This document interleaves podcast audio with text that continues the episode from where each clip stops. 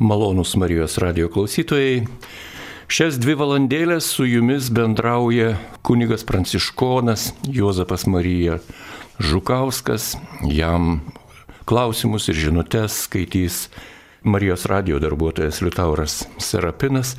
Ir kadangi kunigas Juozapas Marija yra jau pasiruošęs, tai aš sveikinu su juo garbėzui Kristui. Garbėzui Kristui sveikiname Marijos radio klausytojus iš Vilniaus, iš Kaziuko Muge šurmuliuojančio miesto, taip pat čia vyksta jaunimo selovodos forumas, jaunimas susirinkęs iš visos Lietuvos, vakar visą dieną praleido Vilniaus katedroje, šiandien savo susitikimą tęsė Bernardinų bažnyčioje. Nuo su jumis bendrauju aš, jūsų mylimiausias brolis Pranciškonas Juozapas Marija ir man talkins prie pulto Liutauras Serapinas. Taigi mūsų tikėjimas yra pilnas įvairiausių turtų, paslapčių ir visuomet galima atrasti kažką naujo. Taip pat ir tikinčio žmogaus kelionė yra pripildyta įvairiausių iššūkių. Gal stačiatikių popas Kirilas yra Putino rėmėjas, kad nemato, kas vyksta. Kur jo pareiškimai? Ačiū, geros dienos. Na tikrai ne tuo adresu, bet gal galėsit pakomentuoti. E, aš manau, kad kiekvienas, kuris turi akis mato ir turi ausis girdi. Tačiau tai, ką mes girdim ir matom, kiekvienas suprantame savaip. Ir Taip pat turime suprasti, kad atstovai įvairiausių organizacijų, taip pat ir bažnyčių atstovauja ne tik savo nuomonę, bet ir visos bažnyčios. Yra labai gera ir drąsu, kada išstoja ir paragina žmonės kalbėti, melstis, reaguoti kažkaip. Ir aš tikrai neturiu visos informacijos, ar jis tikrai nieko nesako, nes vis pasiekia žinutės, kad tai vienoje ar kitoje vietoje ortodoksų bažnyčioje žmonės meldžiasi už taiką, už sutarimą tarptautų. Galbūt buvo jų erdvėje kažkoks ir paraginimas, kuris iki mūsų ir nepasiekė. Bet kokiu atveju visi esame kviečiami melstis už taiką, nes Dievui nėra negalimų dalykų, ypatingai mes Lietuvos žemėje gyvenantis galime tą paliudyti savo gyvą patirtimi, kuomet daugiau kaip prieš 30 metų, kada mūsų kraštas buvo puolamas, kada prieš mus buvo tikrai išstatyta visa tuometinės sąjungos galybė, tuomet nuoširdi, paprasta žmonių malda, rožinio malda, adoracija įvykdė stebuklą, kuriuo pasaulis dar po šiai dienai net nelabai gali patikėti ir netikintis net nepripažįsta, bando ieškoti kažkokių politinių, kitokių priežasčių, tačiau galiausiai turi pasakyti, mes nesuprantam, kaip tai atsitiko. Taigi, negaliu atsakyti už Kirilą, tačiau kviečiu jūs prisijungti prie mūsų popiežiaus pranciškaus, prie mūsų viskupų raginimo maldai, bet taip pat ir artimo meilės darbams. Tikrai yra didžiulės savanorių pajėgos mestos surinkti informaciją, išdalinti pagalbą žmonėms. Tad tikrai kviečiame pagal išgalės prisijungti. Na, turime dar keletą samažinučių klausom.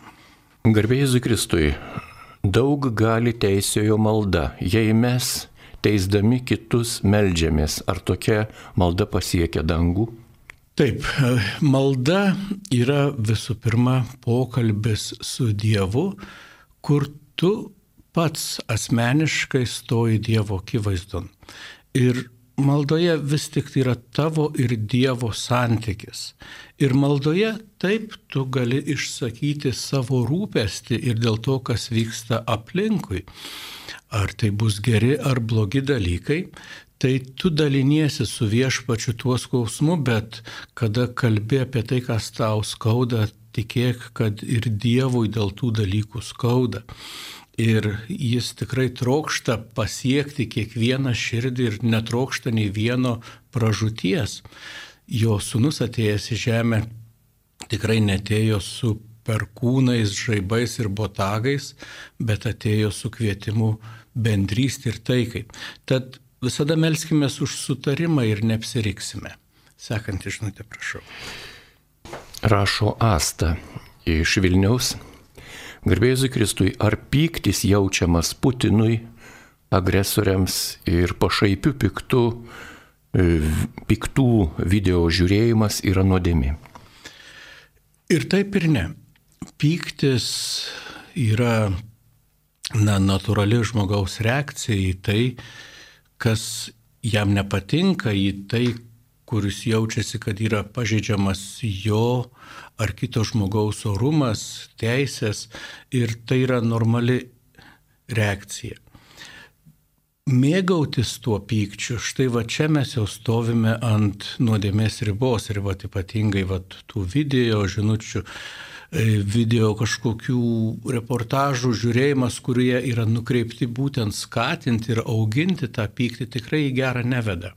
Taip, nori, nenori, mes dalinamės ir tomis karikatūromis ir dar kažkuo. Ir tai vyksta.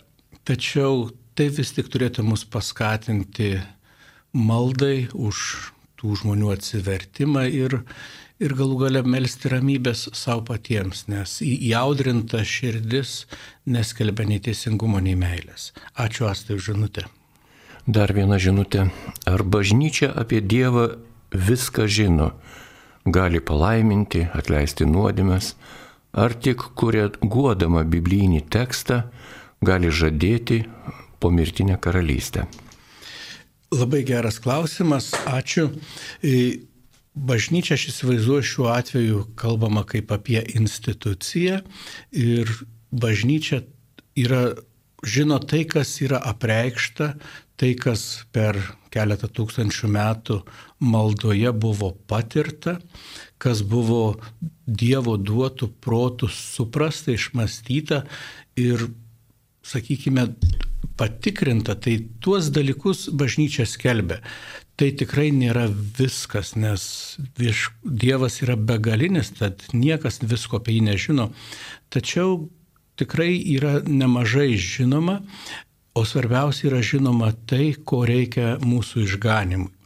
Tad tas, kas ieško išganimo, kas ieško amžino gyvenimo, visą tą informaciją tikrai bažnyčioje gali atrasti. Ačiū Jums. Rašo Jedvyga. Ar mūsų Dievui reikalingi brangus ritualai bažnyčiose, už kuriuos mokame? Ar tik mūsų siela ir ar siela be kūno gali pragare kentėti? Hmm. Čia yra da, du klausimai. E,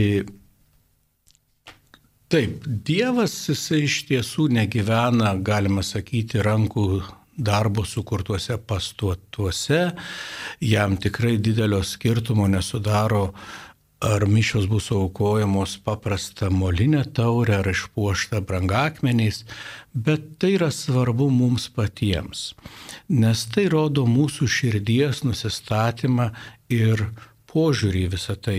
Jeigu tu mišiuose naudoji molinę taurę, o namuose geri vyną iš krištolinės ar valgai iš porcelianinių indų, nu tai tu parodai, kas yra tau svarbu ir į kur nukreipta tavo širdis, ar ne?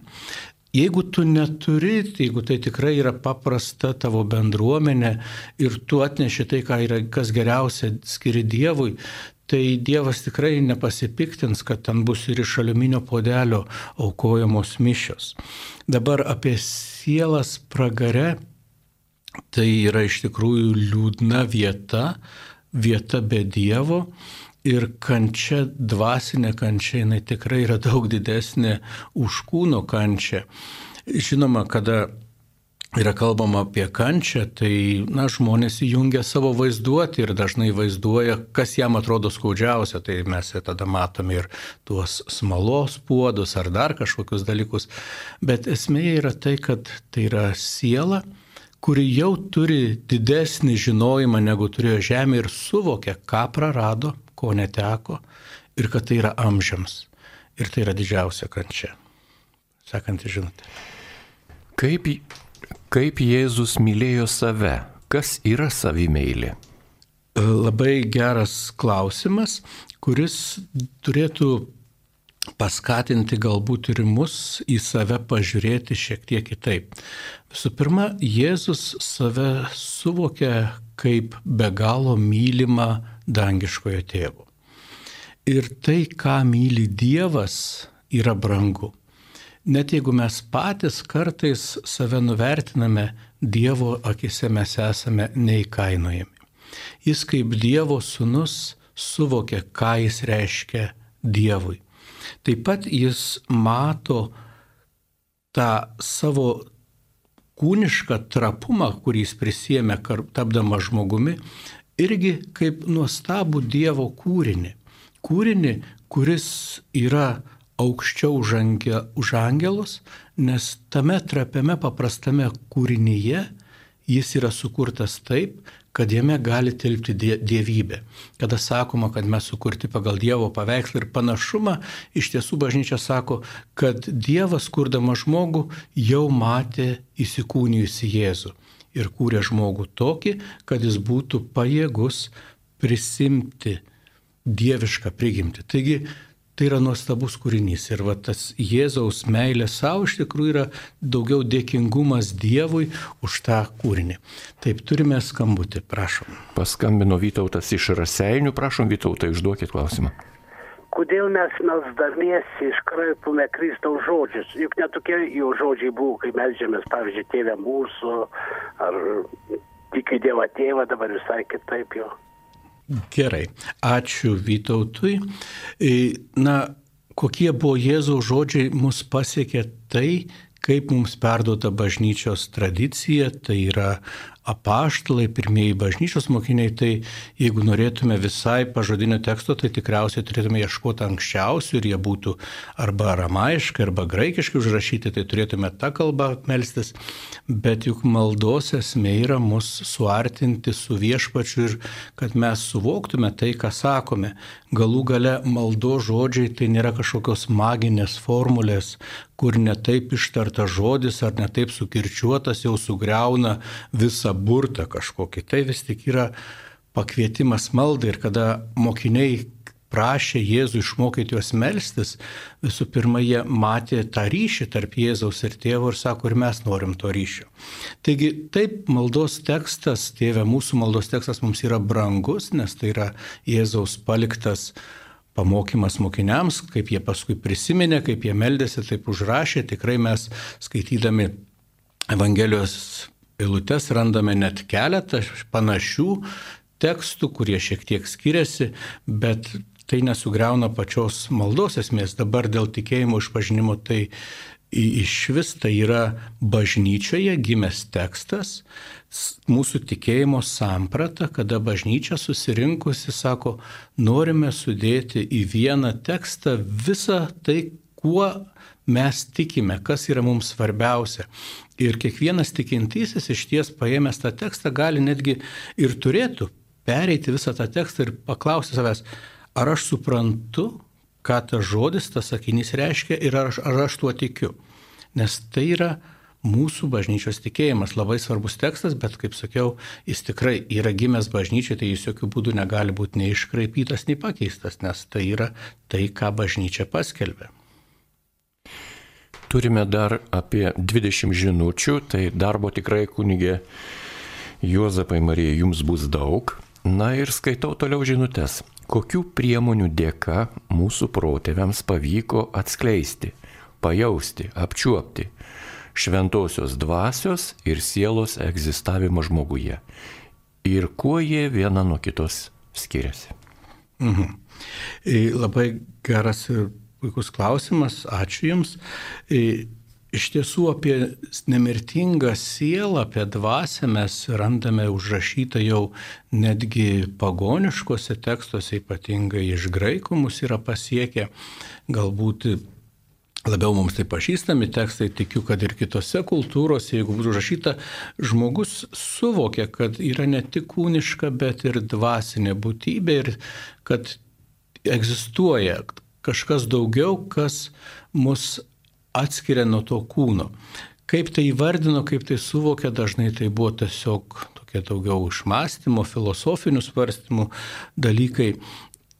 Kada kalbame jau apie šventąją dvasę, tai mes turime suvokti, kad tai yra trečiasis dieviškas asmuo. Ir kad tai nėra kažkas, ką savaime žmogus turi. Tai yra tai, kas mus suriša ir vienyje su Dievu ir tai yra didžiulė Dievo dovana mums. Tai yra ta dvasia, kuri visų pirma dvelkia tarp tėvo ir sunaus. Tai yra jų meilės, supratimo ir bendrystės ryšys, kuris vienyje visą šventąją trejybę.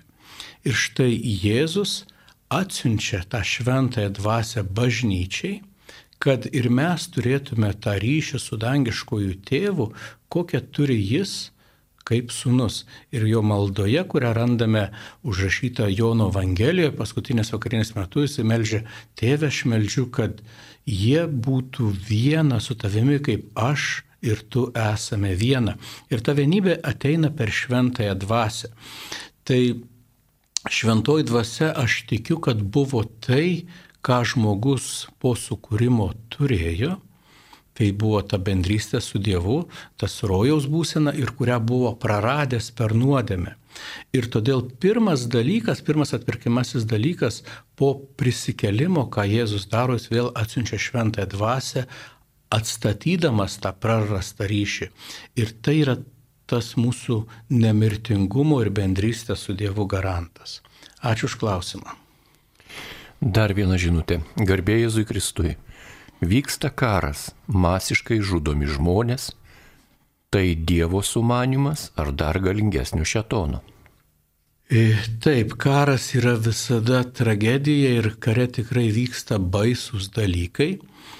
Ir nereikia duoti čia nei šetonui, nei Dievui kažkokios tai kalties ar nuopelnų, tai yra žmogaus darbas galima dar labiau sakyti, nupuolusios mūsų prigimties darbas, kada mes nebemokam mylėti, nebemokame dalintis, kada mes nebepasitikime vienas kitu ir trokštame turėti tai, ko neturime, kaip šventas raštas turi ir kadangi negalime to turėti, tai mes žudome.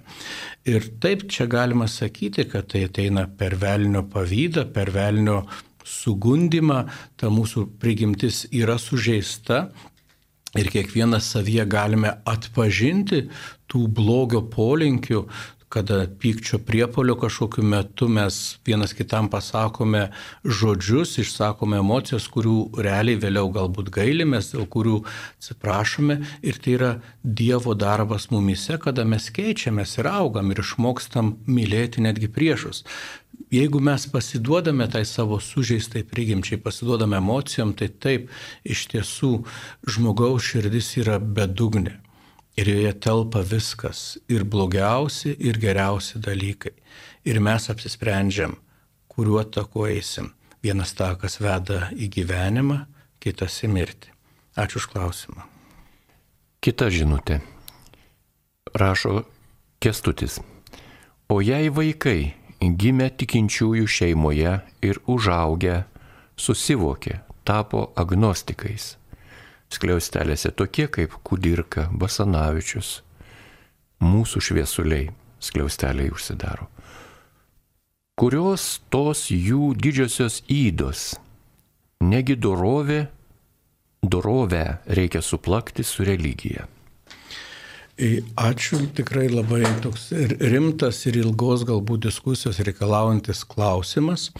Žodis susivokė galbūt, kurį jūs pavartojate, aš čia šiuo atveju nevartočiau, tiesiog sakyčiau, kad jie ėmė bandyti suvokti pasaulį patys, kaip jiems atrodo. Ir čia šiek tiek yra to žmogiškos didybės ir puikybės tame. Vis tik mes esame sukurti pagal Dievo paveikslą ir panašumą ir mumise yra pilna tų dieviškų kūrybinių galių, bandymo suvokti pasaulį, galų gale Dievas sukūręs pasaulį pavedė užvaldyti žmogui. Tačiau tas žmogus turi visą laiką atsiminti, iš kuris yra tą pasaulį gavęs, kad tai vis tik Dievo dovana jam. Bet jis pilnas ir išminties, ir suvokimo.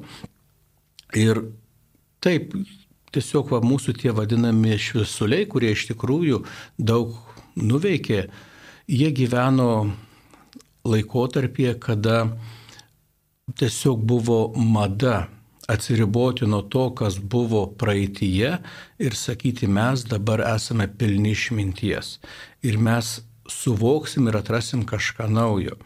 Ir tada jie paima tarsi tokį baltą lapą ir sako, gerai, imkim, kad mes iki šiol nieko nežinom ir ką mes galime apie tą savo pasaulį, kurį turim pasakyti, remdamėsi vien tik savo protu. Ir jiems tikrai daug kas sekėsi, Tačiau vis tik galutinių klausimų, nu, jie tiesiog nelėtė, nes matė, kad jūs neatsakysi. Būtent iš kur visą tai atsirado, link kur tai eina. Taip mes galime aprašyti savo aplinką ir gana išmintingai, tačiau galiausiai klausimas, o dėl ko visą tai? Kur link visą tai eina? Jie tai neatsakė, jie tik atsakė apie, daugiausiai apie save, kaip apie kūną, kaip apie žmogų, kaip geriausiai vystyti, kaip praplėsti savo proto, fizinės galės, bet apie amžinybę jie net nesvarstė. Taip, taip jie daug turėjo išvalgų ir žmogus tikrai yra didžiulė paslaptis, dar pats savęs nepažįstantis, bet mes esam daug daugiau negu tik tais mūsų kūnas ir protas. Ačiū už klausimą. Dar viena žinutė. Garbė Jėzui Kristui. Daug kalbama apie atleidimą, o ar atleidus reikia toliau bendrauti, jei tas ryšys yra žlugdantis ir vedantis į dugną? Ar galima paleisti tuos žmonės ir tik maldą palaikyti ir nutraukti ryšius? Taip, tai yra tikrai skaudi mūsų dienų realybė, kada mes nesaugom viens kito, žalojam viens kitą ir kartais mūsų tie santykiai tikrai tampa toksiški, žlugdantis, žaidžiantis. Jeigu yra iš abiejų pusių noras, geranoriškas noras tuos santykius gydyti ir taisyti, tai taip mes turime tarsi ir pareigą vienas kitam padėti, aukti, ypatingai šeimose, kur mes įsipareigojame viens už kitą, už viens kito amžinybę ir augimą.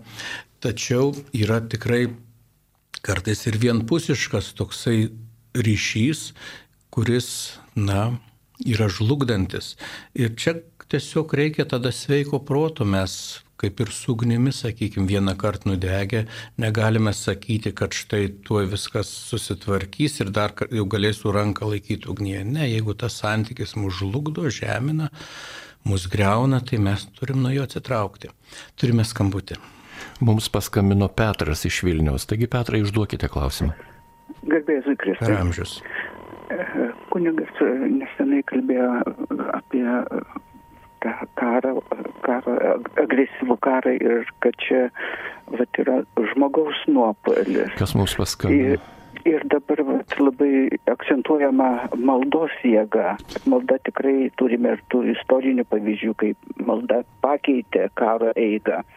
Ar nebūtų tikslinga, kad įsijungtų Lietuvos, gal net ir Europos egzorcistai į tą bendrą maldą, nustatytą valandą ir jų maldos gal galėtų irgi pakeisti tą situaciją, juolap jeigu prisidėtų prie to ir kunigai vienolyjos pasauliečiai savo maldą. Ačiū Petrai už tikrai jūsų rūpestį ir pastebėjimus.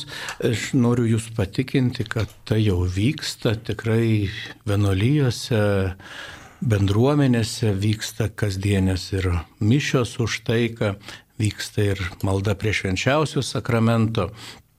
Galbūt mes dar nesame pasiekę to lygmens, kada, sakykime, didžiųjų viduramžių karų metu, kada bažnyčia popiežiaus asmenė kviesdavo visą Europą melstis rožinio kokią nors maldą ar kažkokią specialią maldą, to dar neturime, daugiau tai palikta vietos bažnyčių, bendruomenių reikalam, bet tikrai ta malda vyksta ir Jeigu jūs jaučiate kažkokį paraginimą ypatingai maldai, tai tikrai drąsiai galite savo bendruomenėje, savo grupėje burti tikinčiuosius ir sakyti, štai melskime, galbūt netgi sutartą valandą, kad kiekvienas, kur esame, kad kartais galbūt sudėtinga atvykti kartu, bet vat, savo vietoje tam tikrų sutartų laikų melžiamės. Ir tai bus labai gražu ir pagirtina. Ačiū už klausimą ir geras mintis. Dar viena žinutė ir e, kunigė broli Juozapai Marija, turim be galo daug žinučių, žmonės siunčia tiesiog kaip pašėlę rašo šį kartą. Uh -huh. Apie 50 tikrai net visos laidos metu neįmanoma bus atsakyti turėtume priimti sprendimą, ar toliau prašome, kad siūstų, ar paprašome, kad atidėtų kitam. A, tai siūstit visada galima ir jas surinksim, bet aš liutaurai noriu paprašyti jūsų čia tokios jau išmintingo sprendimo, galbūt kur kažkurios žinutės yra panašios, ar tiesiog jas galbūt sugrupuoti pagal temas, nes aš įsivaizduoju ypatingai dabar bus daug žinučių ir apie karą ir dar kažką, kur galbūt būtų galima vienu metu atsakyti net ir keletą žinučių. Tai palieku jūsų rankose. Taip ir darom. Tai tokiu atveju žinutė būtų tokia. Kaip dažnai reikia eiti iš pažinties, jeigu neturi sunkios nuodėmės ir manai, kad neturi. Išpažintis yra nuostabi Dievo dovana. Mes ją kartais esame taip nustūmė į tokią ataskaitos lygmenį, kada Dievui reikia atsiskaityti, Dievui tikrai nereikia atsiskaityti. Išpažintis yra Dievo dovana, kad mes galime nusikratę praeities klaidų ir nuodėmių, su Dievo palaima kilti ir sustiprinti eiti į priekį. Tad kaip dažnai tai tik jūs pats galite nuspręsti. Bažnyčia sako bent kartą metuose, tai jau čia minimumas. Ar ne, kad nu, per metus tikrai kažkas susikaupė. Bet tie, kas nori dvasiškai aukti, turėtų atminti, kad išpažintis nėra tik ataskaita Dievui, bet visų pirma yra mūsų malda, kur prašom Dievo stiprybės ir pagalbos ten, kur esame silpni. Ir išpažindami savo silpnumą, mes melžiam Dievą jėgos ir išminties eiti į priekį. Ačiū už klausimą. Dar vienas klausimas. Ką reiškia jūsų vardas? Čia tikriausiai dėl to antrojo vardo tikrai ne, gana dažnai ir gaunu tą klausimą, brolis Juozapas Marija.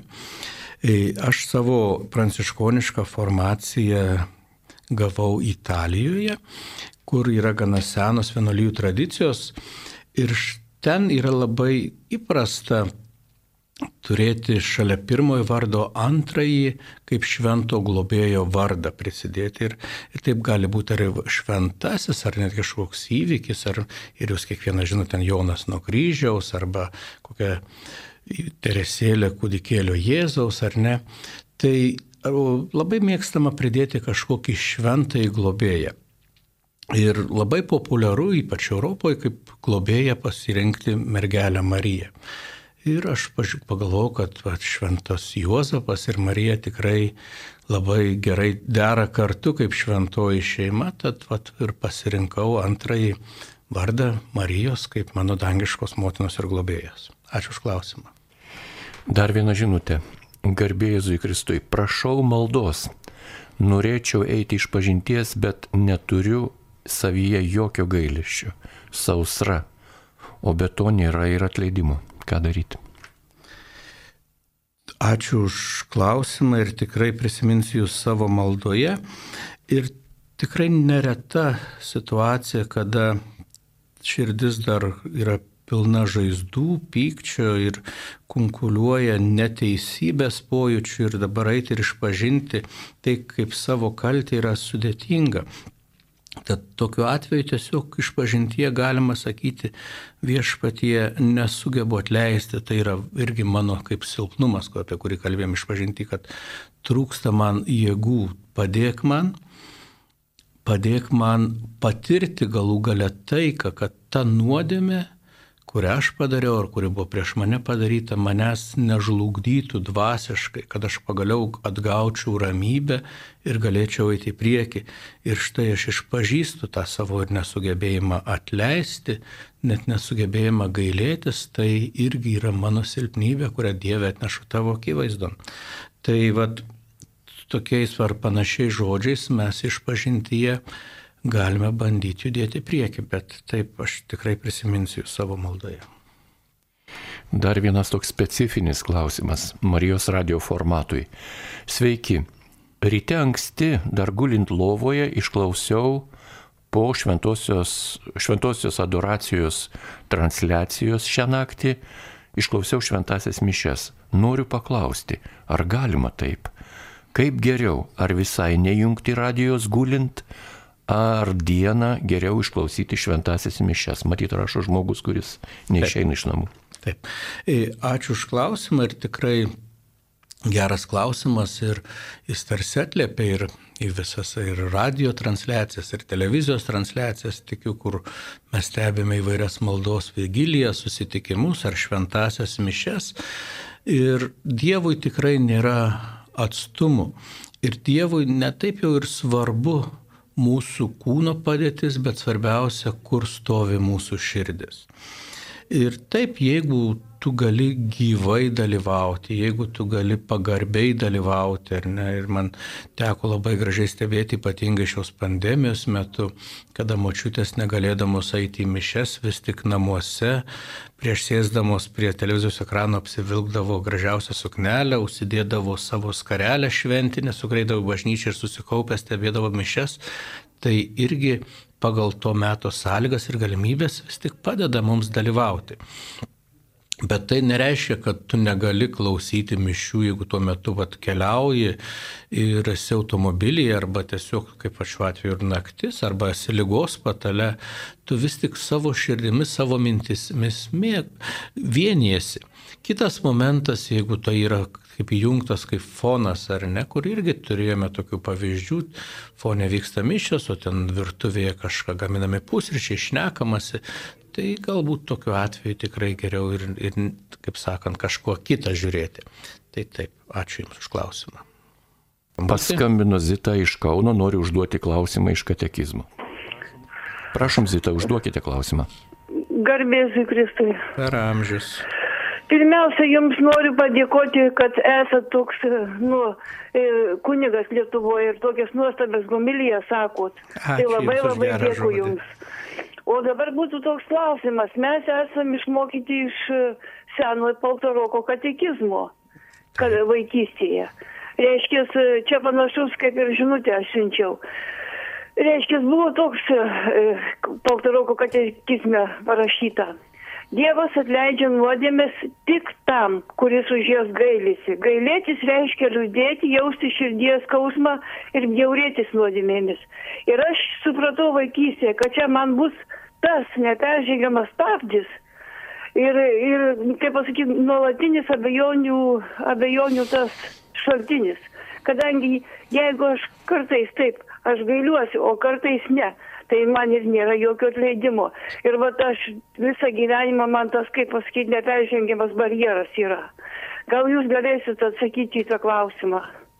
Ačiū pona Nezita už tikrai šį klausimą ir tikiu, kad yra ir kitų tikinčiųjų, kurie susiduria su panašiais iššūkiais, ypatingai, kaip minėjau, kada išpažįsti kažkokias galbūt ir net neteisybės, kur dalinai sąmoningai, galbūt nesąmoningai teko dalyvauti. Visų pirma, kalbant apie gailestį išpažintyje, mes taip esame kviečiami gailėtis, kad taip pasielgėme, bet didžiausias gailestis turėtų būti dėl to, kad tai įskaudiname savo bičiulį Dievą.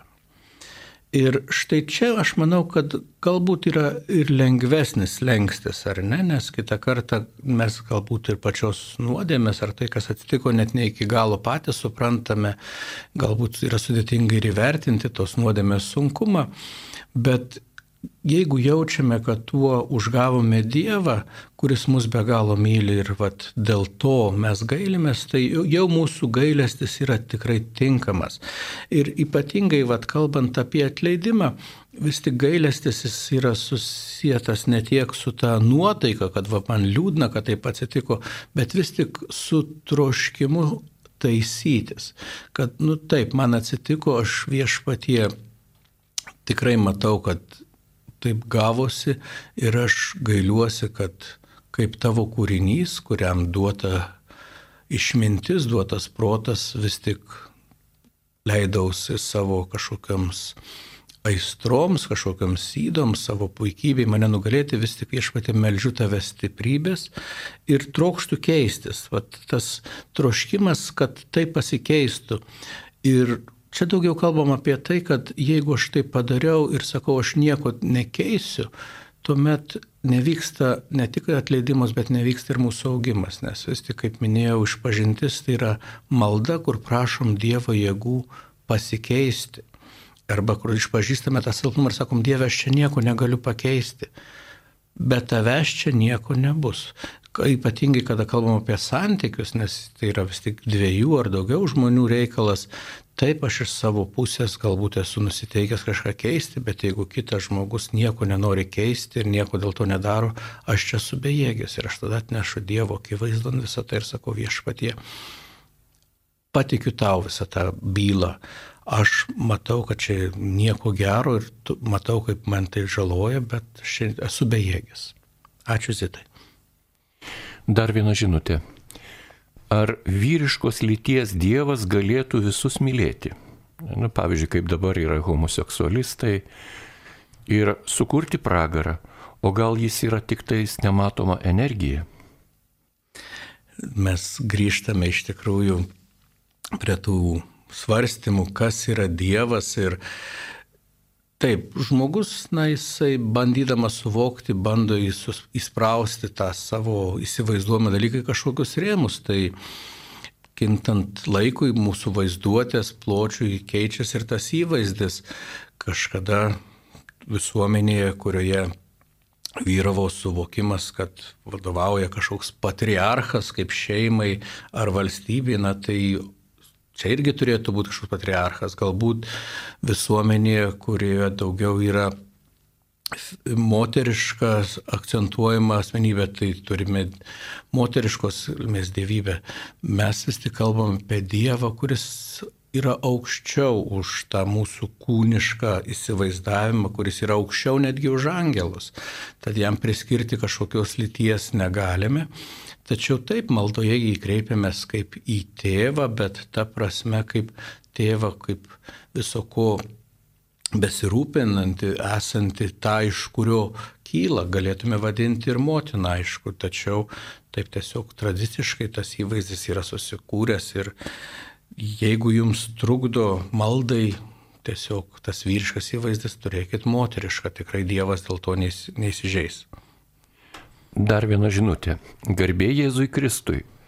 Kaip ugdyti nuolankumą Dievo valiai, atsisakant savo valios?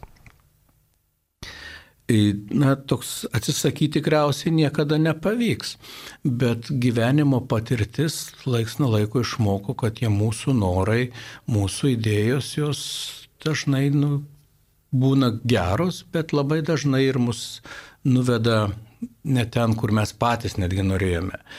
Ir tas ūkdymas daugiau susideda iš to, kada tu pradedi pripažinti, kad vis tik Dievas mane be galo myli. Ir jis mane tikrai gerai pažįsta su visais mano e, blūdais, su visais gerais dalykais. Ir jis trokšdamas man gero, jis turi sugalvojęs variantą, kuris labiausiai man padeda.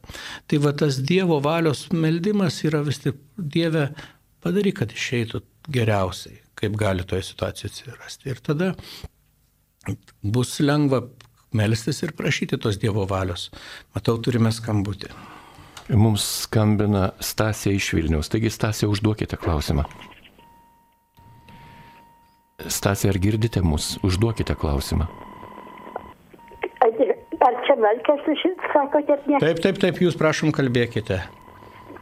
Stasė iš Vilnius nori pakalbėti. Ačiū, klausome. Galiu kalbėti? Taip, prašom.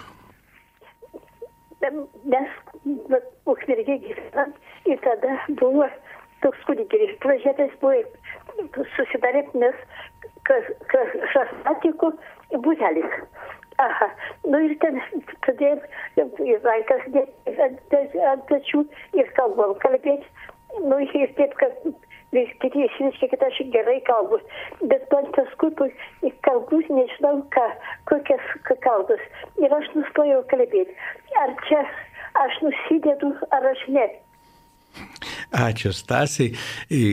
tikrai, vat, pakartosiu dar jos klausimą, galbūt ne visiems buvo aiškiai išsakytas, kalbam apie tai, kad jai teko dalyvauti charizmatinėje maldoje ir ten kažkuriuo tai momentu buvo pradėta kalbėti kalbomis, kaip yra įvardinama ta maldos forma.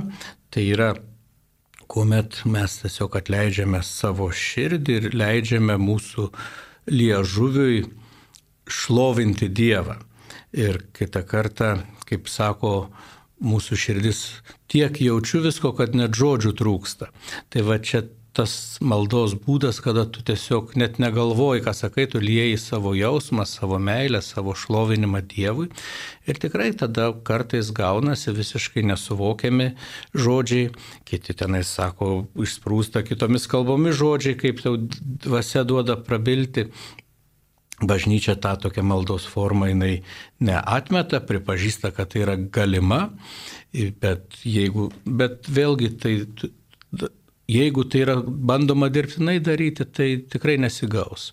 Na, o atvira širdis, jinai yra pertekusi tikrai ir, ir meilės, ir troškimų, ir tikrai kartais pritrūksta tų mūsų kasdienių žodžių. Tai būna, būna tas dalykas dabar, jeigu jaučiatės nepatogiai, jeigu jaučiatės, kad, na, kažkaip pasimetus, tikrai čia nėra jokios nuodėmės, kaip ir maldoje, ar ne? Jeigu kažkas kalba ten tėvę mūsų, jums labiau prie širdies sveika Marija ir dabar sakai, nu, aišku, ignoruoti piktybiškai kažkokių maldų gal nereikia, galų gale galima patylėti, jeigu jaučiamės, kad ne ta malda ar ne, ne ta litanija kalba, kurią mes esame pratę nes visos maldos vis tik yra nukreiptos į Dievą. Tačiau tikrai nėra jokios nuodėmės, jeigu jūs jaučiatės nepatogiai kažkokiai maldo, tiesiog ramiai pabūnat šalia ir leidžia tai maldai vykti. Matau, kad mūsų laikas bėga ir turėkime tokią trumpą, labai trumpą pertraukėlę. Su jumis bendrauja brolius Juozapas Marija, prie pulto Liutauras Serapinas. Čia laida Klaus drąsiai, susitiksime po trumpos pertraukos. Ačiū Jums.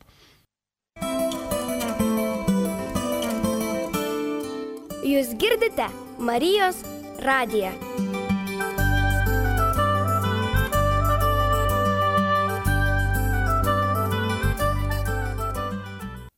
Sveiki sugrįžę, su jumis vėl laida Klausk drąsiai ir tęsėme pokalbį. Su jumis bendrauja jūsų mylimiausias brolis Pranciškonas Juozapas Marija Žukauskas. Prie pulto jūsų klausimus ir skambučius priema Liutauras Serapinas. Taigi tęsėme laidą ir turime žinučių, prašom. Taigi žinutė, Kestutis rašo iš Kauno. Esu linkęs į skrupulus, kurie kelia nerimą. Kai kada atima ramybę po išpažinties, kad kažko neišpažinau. Kaip išsiugdyti sąžinę be skrupulų? Dažnas klausimas, dažna problema, ypatingai jautresnės širdies, sielo žmogui. Ir čia vis tik turime atkreipti tas mūsų ryšį ir santyki. Mes kaip žmonės, kokį ryšį turime visų pirma su savimi, su kitais žmonėmis ir tada jau su Dievu. Ar mes visuose dalykuose gyvenime esame tiek nedrasus, ar tikrai mes visur ir visada perklausėm antrąjį kartą, ar tai padarėm, ar dar kažkas. Ir jeigu taip yra, tai mums reikalinga iš tikrųjų tokia dvasinė ir socialinė bei psichologinė šiek tiek tvirtybė, nes mums be galo yra sunku gyventi. Ir išpažintyje vis tik mes turime suvokti, kad esame mylinčio tėvo akivaizdoje, kuris visų pirma jau žino viską, netgi tai, ko mes patys nesuvokiam.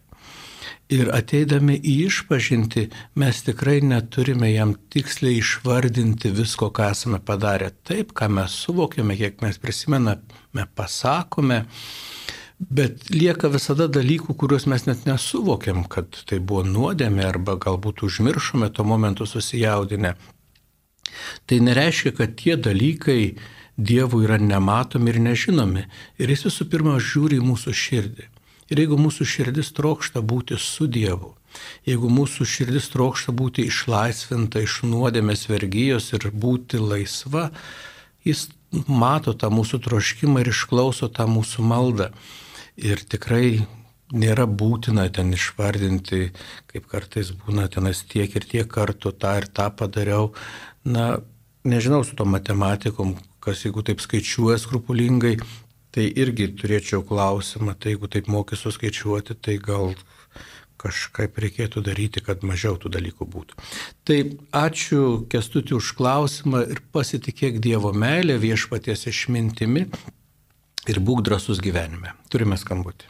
Mums paskambino Aldona iš Kauno. Taigi, Aldona, ačiū, kad palaukite klausimą. Prašom, Aldona. Garbės Garbėsiu Kristui. Kristui. E, toks pamastymas. Aktualia tema, aktualiausia tema. Ukrainoje daug kančiaus. Meldžiame taikos, meldžiame gesinti karo grėsmę. Tačiau galvoju, ar ta kančia, tas išlietas kraujas, tos užgesusios gyvybės taip ir sklando neįprasmintos? Ar mūsų malda neturi būti ta aukos dvasioje, kad vienydami su Kristumi, Kristaus auka, mes aukotume išlietą kraują, žmonių kančias ir tokiu būdu mm, tai neštų išganingą, gelbsinti veikimą e, žmonijai. Ačiū.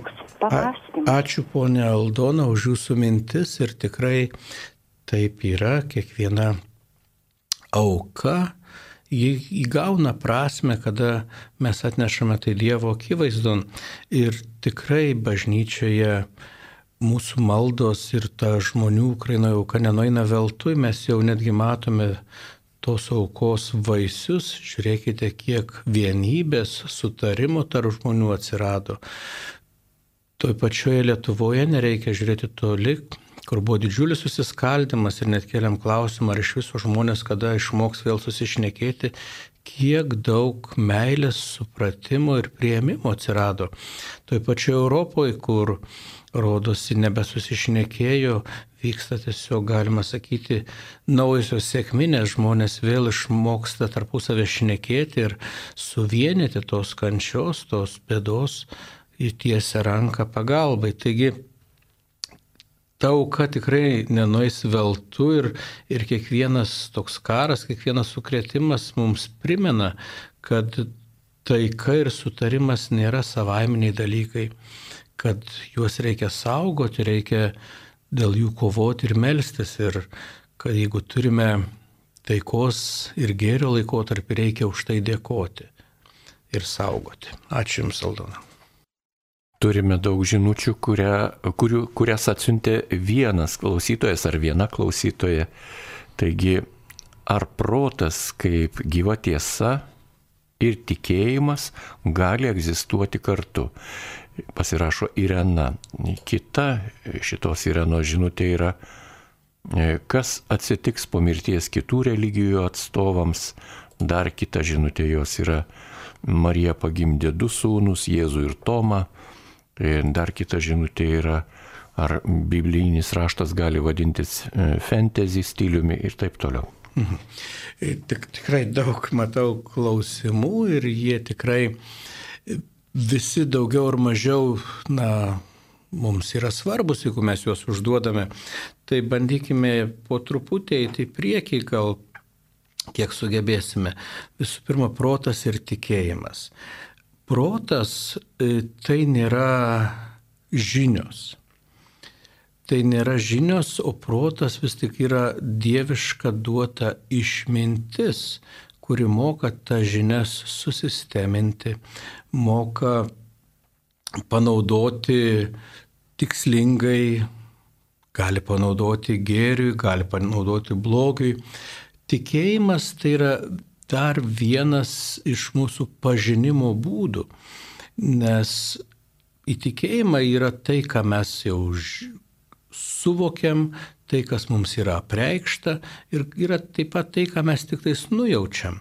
Taip, protų mes kai kurias nuojautas atmetam, kai kurias patvirtinam, bet tie dalykai jie privalo eiti kartu. Jie negali būti atskirti, nes tai yra dalis to, kas daro mūsų žmonėmis ir atsisakę vieno ar kito mes save labai nuskurdiname. Dabar ar Biblija gali būti priskirta fantasy žanrui? Na, visų pirma, pati Biblija, ji jau turi savo žanrą, tai yra apreikšta knyga, kurioje taip yra daugybė įvairiausių stilių. Mes galime rasti ten ir istorinio pasakojimo, galime rasti ir dokumentų, galima liturgijos aprašymų rasti, galima rasti ir anegdotų, pasakų, pasakojimų, linksmų nutikimų, pamokančių istorijų. Tai Biblija savie, jinai neveltui yra vadinama knyga, nes jinai talpina visą žmonijos sukauptą tokią patirtį dvasinę ir tuo pačiu istorinę. Pats fantasy žanras gali savyje turėti kažkiek tų apreiškimo ir išminties elementų, tai jokių būdų negali priskirti Biblijos prie fantasy žanro. Galima sakyti, kad fantasy žanras yra kartais pasiskolina kai kuriuos elementus. Tai vad, tai mes turime apreikštą knygą, kurioje yra daugybė stilių. Ir tame yra sukurta žmogaus patirtis ir taip tai kartais yra ir tokių faktinių dalykų, kartais ir yra legendų, mes turime daug visko, turime, bet visi tie dalykai mums padeda suvokti vieną tiesą kad mes esame Dievo sukurti, kad tas pasaulis buvo Dievo norėtas, jis sukurtas kaip gėris ir kad tas gėris per mūsų kartais užgaidas, mūsų puikybę buvo greunamas ir dabar bandom vėl atstatyti tą pirminį Dievo planą. Dabar kalbant apie Mariją, apie įvairiausius kartais turimus apreiškimus, ten kiek kokas turėjo, tai yra vėlgi, čia jau galima vat, kalbėti apie tą fantasy žanrą, kur žmonės prisifantazuoja, prisikūrė ir tie dalykai iš tiesų, na, neturi kažkokio pagrindo. Ir jeigu būtų, tai bažnyčia tik džiaugtųsi, kad va turim didžiulę šeimyną Jėzaus, bet dėje mes turime faktiškai užrašyta tai, kad Marija turėjo viengimį sūnų Jėzų Kristų. Turime skambutį, ačiū. Mums paskambino Violeta. Prašom, Violeta, užduokite klausimą. Garbė Jėzų Kristui. Noriu pasakyti, kad labai blogai pasielgiau už taiką, už Ukrainą pasnikavau apie penkias savaitės vandenį, tik kaip pas linguniukus lankydavau, tai ten pavalgydavau vieną kartą per dieną, melsdavausi iki keturių, penkių ryto. Sužinojus, kad e, kalbėjo apie plozapamą, kad jis kenksmingas per Marijos radiją išgirdau ir aš staigiai mečiau jį. Daug nemigų naktų, dabar atsirado nerimas, baimė, neklausiau dievulio, e, e, liūdėdavau, kaip turėjau stiprybės, eidavau į bažnyčią, į adoraciją, į mišės, žmonėm liūdėdavau savo gyvenimą, nuopolių savo ir pakilimą. E, ragindavau kitus eiti bažnyčią, aš juk ne Dievas, supratau, kad aš pasaulio neišgelbėsiu.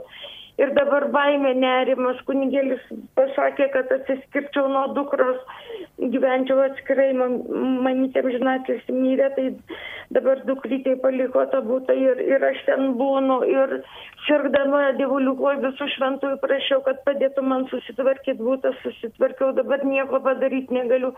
Norėjau vakar iš švento sakramento bažnytėliai, atėjau rengtis, braustis ir nerimas, baimė sustingau visą nežinau, atrodo, gaunu drąsos ir paskui vėl nežinau, ką daryti.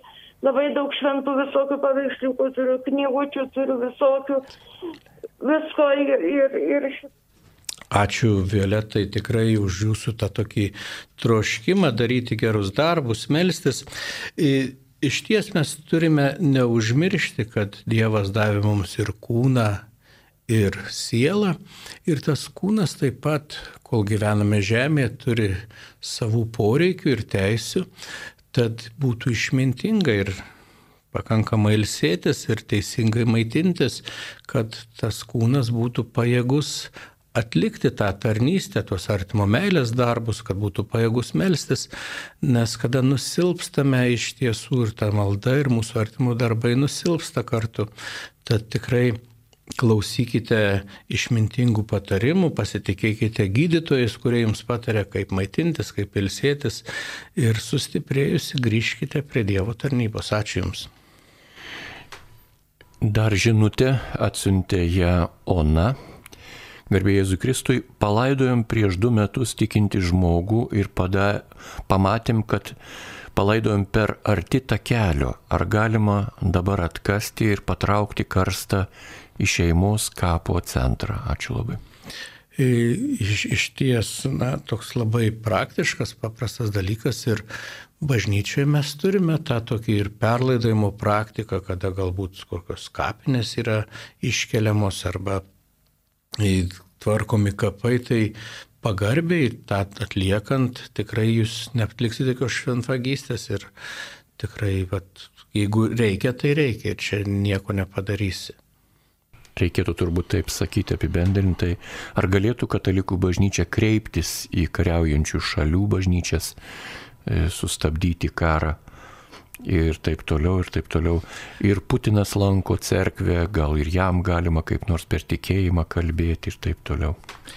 Į Tikrai ačiū už jūsų rūpestį ir bažnyčia tikrai bando stabdyti ir popiežius, kai tik prasidėjo neramumai asmeniškai, pats nuvyko Romoje į Rusijos ambasadą, ragindamas taikai ir yra pasiruošęs, sako, tarpininkauti tarp Rusijos ir Ukrainos dėrybos, jeigu to reikėtų.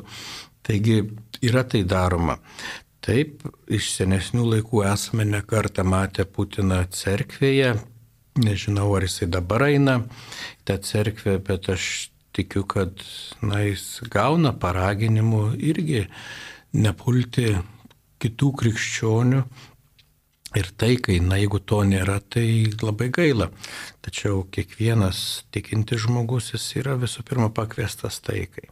Tai nenustokime melsis taikos. Dar viena žinutė. Noriu paklausti. Švenčiausiąją komuniją imame už save arba galima paukoti už mirusi žmogų. Ar už vieną mirusi, ar už daugiau galima priimti švenčiausiąją komuniją? Čia mes kalbame apie vieną iš tokių pamaldumo praktikų. Vis tik turėkime supratimą, kad švenčiausias pats sakramentas tai yra mūsų asmeninis ryšys su Jėzu, mūsų kaip mistinio Kristaus kūno bendrystė, Tai mistinėme Kristaus kūne taip mes bendraujame su visais tikinčiaisiais ir, ir būtent Jėzus Kristus yra tas mūsų bendrystės taškas, į kurį sueina visų tiek gyvų, tiek mirusių, sakykime, bendrystė. Tai nežinau, ar būtų galima įvardinti tai paukojimu už kažką. Gal labiau maldą ir atnešimą Jėzaus akivaizdon, tai atneždami Jėzaus akivaizdon kažką mes tikrai galime atnešti daug ir žmonių ir daug savo rūpeščių. Ačiū už Jūsų klausimą, turime skambutį. Paskambino Antanas iš Klaipėdos, taigi Antanai užduokite klausimą. Garbėsiu Kristui. Ramžius. Taip, mano klausimas būtų apie dievų gailestingumą. Mane, kaip ir visą pasaulį, be galo sukrėtė įvykiai Ukrainoje. Popiežius Pranciškus paragino visą vasario mėnesį ir pelenų dieną visas bažnyčias, visus tikinčiuosius, vienuolius, paprastus žmonės melsti, melstis už taiką Ukrainoje. Milijonai žmonių meldėsi, kunigai laikė mišes, sakykite, kodėl niekas nesikeičia, nejaugi, tai kur čia Dievo galestingumas, nejaugi jis toks pietaširdis. E, tai ko dar reikia mums, jeigu milijonai, milijardai žmonių meldžiasi, aukojasi, o jokių pokyčių nėra. Tai kur čia galestingumas? Man žinokit, kilo, kilo visokių minčių. Norėčiau, kad atsakytumėte. Ačiū už jūsų rūpestį. Iš tiesų maldos galia yra didžiulė ir mes tikrai dabar būsime nepajėgus įvertinti tų maldos vaisių, ką atnešė. Jeigu tos maldos būtų nebuvę, galbūt ta situacija būtų visiškai baisi, galbūt iš tiesų daugybė atvejų būtų daug daugiau žiaurumo, nes stebime ne tik tais karą, bet stebime ir tuos pačius kareivius, kurie atsisako kariauti, kurie palieka savo ginklus ir grįžta į namus, kurie pasiduoda į nelaisvę, ne tai, kad tenai specialiai nebeturi išeities, tiesiog nusprendžia nebekariauti. Turime daugybę atvejų nufilmuotų, kada tie patys tankai važiuoja ir išeina taikų žmonės prieš juos ir jie sustoja, nevažiuoja ant galvų. Tai vis tik aš tikiu, kad mūsų maldos paliečia ir tų kareivių, kariaujančių širdis ir jie susimasto, sustoja ir galbūt nepaspaudžia to gaiduko. Tai aš esu tikras, kad mūsų maldos daro stebuklus ir be tos maldos tas karas būtų daug ruvinesnis ir baisesnis. Bet aišku, galutinį žodį vis tik ir taria žmogus, kuris apsisprendžia žudyti savo brolį ar nežudyti. Ir tos laisvos valios niekas iš mūsų netėmė. Tačiau aš tikiu, kad daugybė viešpaties angelų kužda į kiekvieną širdį, ragindama mitaikai. Tai aš tikrai raginu nenusivilti, o toliau melstis ir paversti visą situaciją viešpačiai. Dar viena žinutė karo tema. Kodėl bažnyčia neragina melstis už Rusijos atsivertimą, ko Marija prašė Fatimoje. Yra melžiamas už Rusijos atsivertimą, galbūt na, nėra tokio atskiro paraginimo, nes na, tiesiog melžiamasi dabar už taiką ir taikoje mes melžiamės už atsivertimą visų, visų kariaujančių. Galbūt turėtų būti tokia specifinė, sakykime, malda, pavedant viešpačių tai Rusijai. Matot, toksai tiesioginis pasakymas už Rusijos atsivertimą skamba tuo pačiu kaip ir nuteisimas visos tautos, kad štai jie yra bedievi ir jiem reikia atsiversti. Aš tikiu, kad ten tikrai yra daug Dievą mylinčių žmonių ir labiau galbūt tiktų melstis už Rusijos vadovų atsivertimą ir atvirumą viešpačiai. Ačiū už Jūsų klausimą, turime skambutį. Skambina Marijona iš Zarasų. Marijona, užduokite savo klausimą. Garbėjai Kristui. Garbėjai Kristui kunigėlį, pas mane tokia nuomonė yra. Labai, labai medžiuosi, labai dėkoju už viską, ką, už ką už Ukrainą medžiamės, bet man tokia mintis kilo, žinau, kad visada kunigėlį sako, kad reikia melstis už tą, kuris tą blogą padarė. Tai dabar man mintis tokia kilo, jeigu mes padarytume kokias mišes šventas už, už uh, Putiną, kad jisai atsiverstų visiems protą dadėtų dievulys kada pagalvotų, pamatytų, kaip žmonės prašo per, per maldas visas šitos taikos, kad jisai protą jam apšviestų dievulys. Visada, visada kunigėlis sako, oi, tau blogo padarė, tu už jį pasimelsk. Nu. nu. Tai dabar man tokia mintis kyla, sakau, kad mes pradėtum Putiną prašyti per maldas, per mišes kokias, kad jis išgirstų Lietuvos žmonių maldas visas. Nu, labai gražus paraginimas, ačiū ponė Marijona už tą maldą ir tikrai galite drąsiai nueiti savo bažnyčiai, užpirkti mišes už Putino atsivertimą ir pakviesti savo bendruomenį melstis ir galbūt, va, kiti išgirdę Marijos radio klausytojai tą jūsų idėją darys panašiai. Tai tikrai visos maldos yra reikalingos ir visais įmanomais būdais melskime taikos. Dar viena žinutė. Garbėjai Jėzui Kristui. Noriu patarimo Kaip išprašyti pas Dievą laimėti loterijoje? Prašau, prašau, malda ir tyla. Dėkui, gedas. Na tai jeigu turėčiau specialią formulę, tai tikriausiai tas jau mes visas loterijas būtume čia susirinkę ir Marijos radijos studijos gražiausios būtų pastatytos ir televiziją turėtume. Tačiau Dievas mums duoda išminties ir būdų ir galimybę galbūt ir kitais būdais tvarkytis ir ypatingai bažnyčioje mes per tas įvairiausias labdaros ir gėrio akcijas suteikėme galimybę daugybei žmonių prisidėti, sakykime, prie gerų darbų ir galbūt, kur išleidžiam tuos pinigėlius loterijos biletam, jeigu saukotume kažkokiai labdarai ir kitiems dalykams tikrai ir be loterijos daug gerų darbų nuveiktume. Dabar dėl savo pačiam. Aš tikrai jūsų situacijos nežinau, galbūt tikrai yra kažkoks labai rimtas reikalas, tai tą rimtą reikalą ir pristatykit Dievui, bet nesuriškit jam rankų, sakydami, va, tą problemą išspręsiu, jeigu laimėsiu loteriją. Tiesiog atneškite tą rūpestį viešpatis, kai jūs sakyk, Dieve, duok man išminties, duok būdų, kaip visą tai veikti. Galbūt tai bus per loteriją, galbūt per gerų žmonių pagalbą ar kitais būdais. Na, o tokios slaptos maldos, kaip laimėti loteriją, tikrai neturiu. Ačiū už klausimą. Keletą žinučių jos panašios. Viena iš jų Jeigu mes esame ateistų bendryje ir užduodame jums nepatogius klausimus apie bažnyčios apgavystes, religinį melą, prašome neatsakyti ir neskambinti, pasirašo Antanas, Albertas, Natalija. Dar viena žinutė.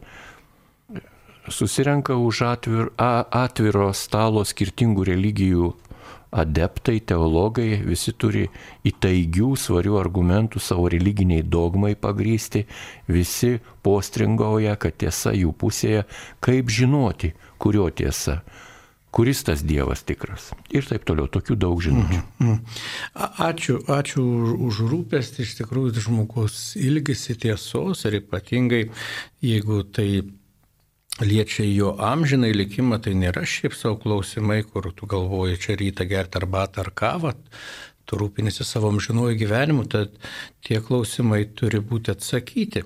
Bet kaip čia galėčiau išskirti dvi dalis tą klausimą. Vienas buvo toksai apie nepatogius klausimus, tai turiu pasakyti, kad taip yra kai kurie klausimai, kurie mus pastato prieš nemalonę tiesą, bet tikrai tai nereiškia, kad mes jų turime nuo jų nusigręžti ir juos neatsakyti.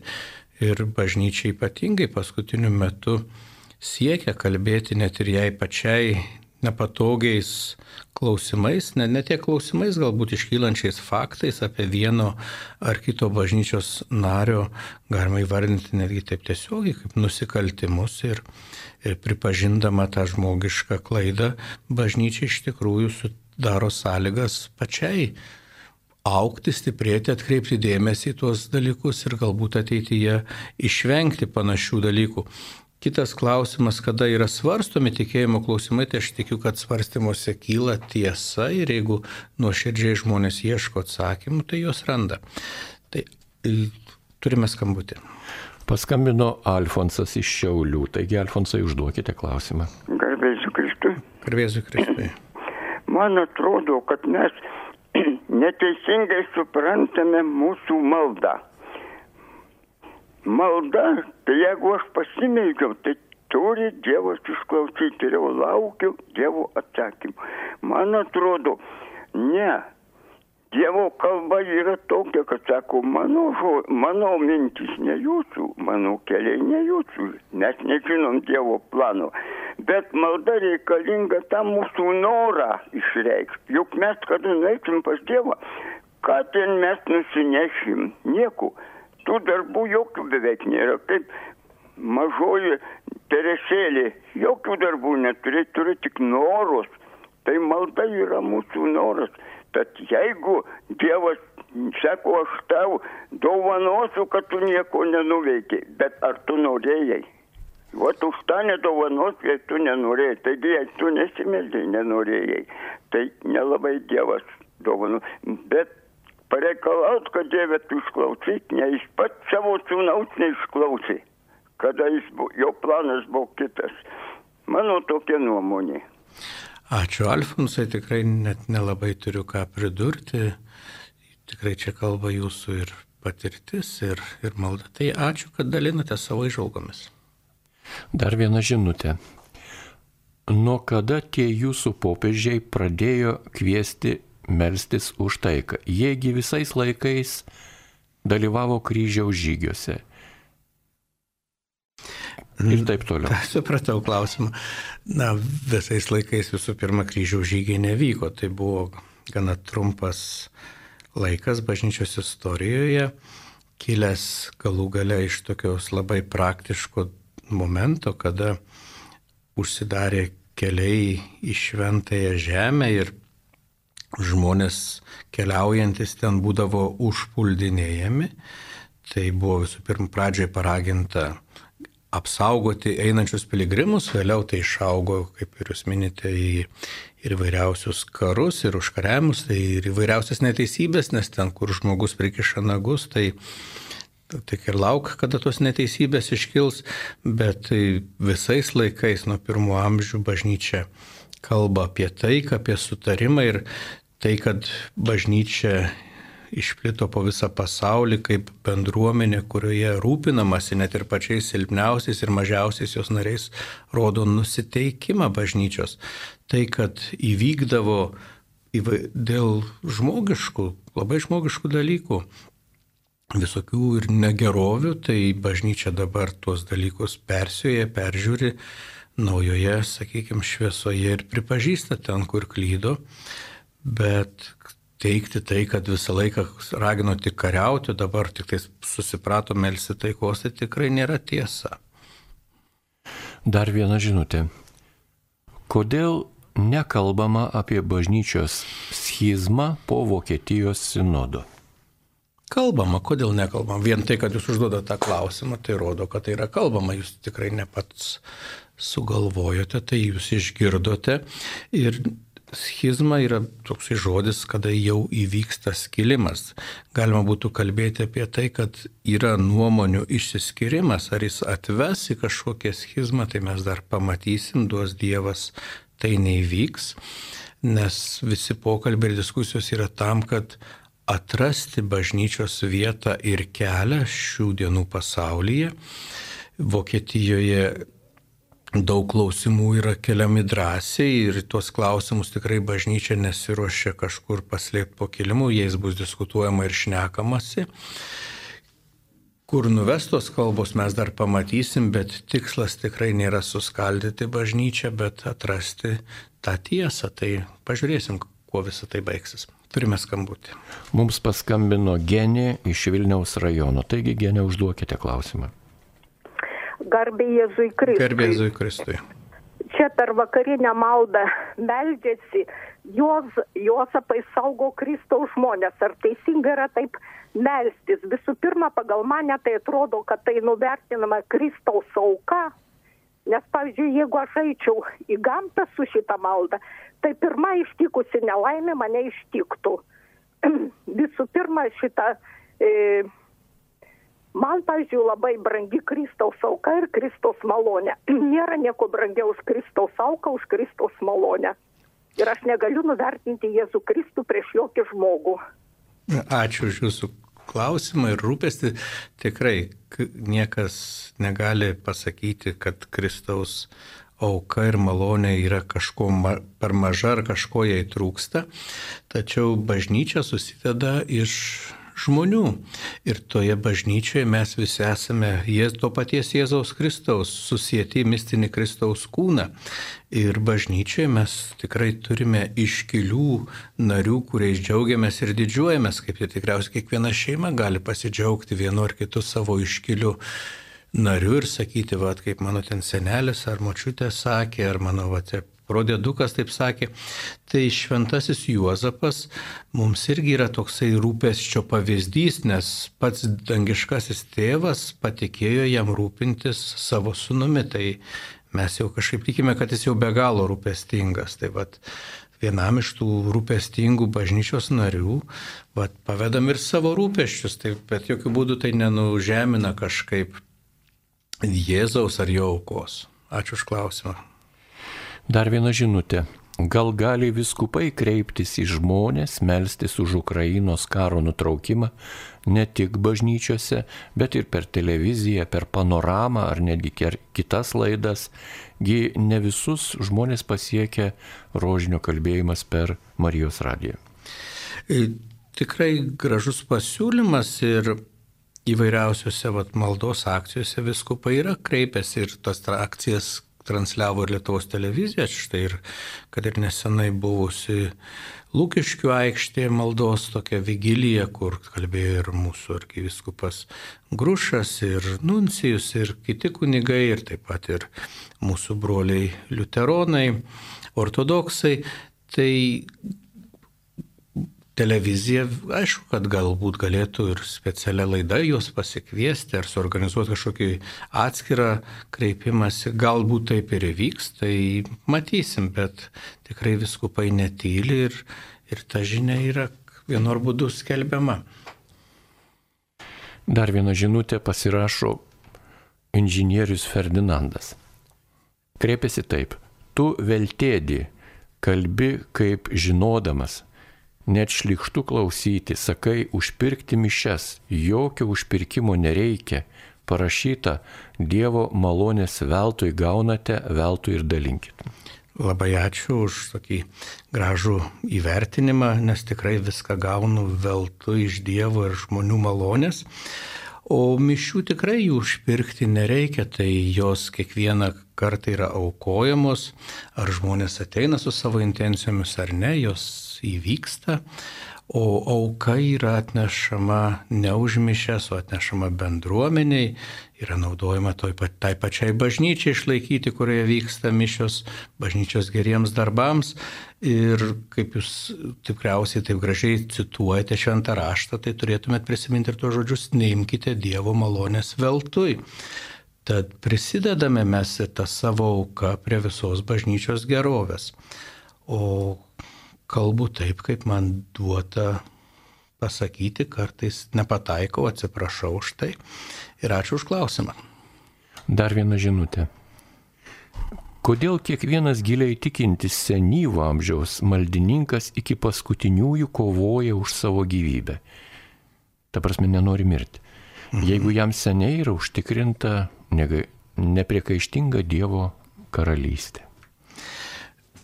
Ačiū už klausimą, kad tie suabsoliutinimai, kad kiekvienas, tai tikrai turėtume vengti tokių dalykų, nes tikrai turiu labai daug gražių pavyzdžių, kada žmonės ramybėje susitaikė su visais ir pasivesdami save Dievui ramiai sulaukia tos dienos, akimirkos, kada iškeliaus pas Dievą. O ta nežinomybė, jinai slegia daugelį žmonių ir ta, taip pasitikėjimas Dievu yra, o galų gale tas kūnas yra duotas mums atlikti geriems darbams ir tas laikas yra duotas, kad apsispręsti. Tai jeigu žmogus tikrai atlieka ir gerą, rimtą ir sąžinę sąskaitą, susitaiko su Dievu ir su artimaisiais, tai jam bijoti nėra ko. Bet mūsų ta žmogiška prigimtis yra tikriausiai, kad mes, na, bijome, bijome to, kas mūsų laukia ir ypatingai na, mirtis vis tik yra toksai rimtas momentas, po kurio atgal jau kelio nėra, tai labai natūralu, kad žmogus jisai nori praleisti tą ilgiau laiką šioje žemėje, nes tai yra tik tas laikas, kuris duotas, jau antro to nebebus.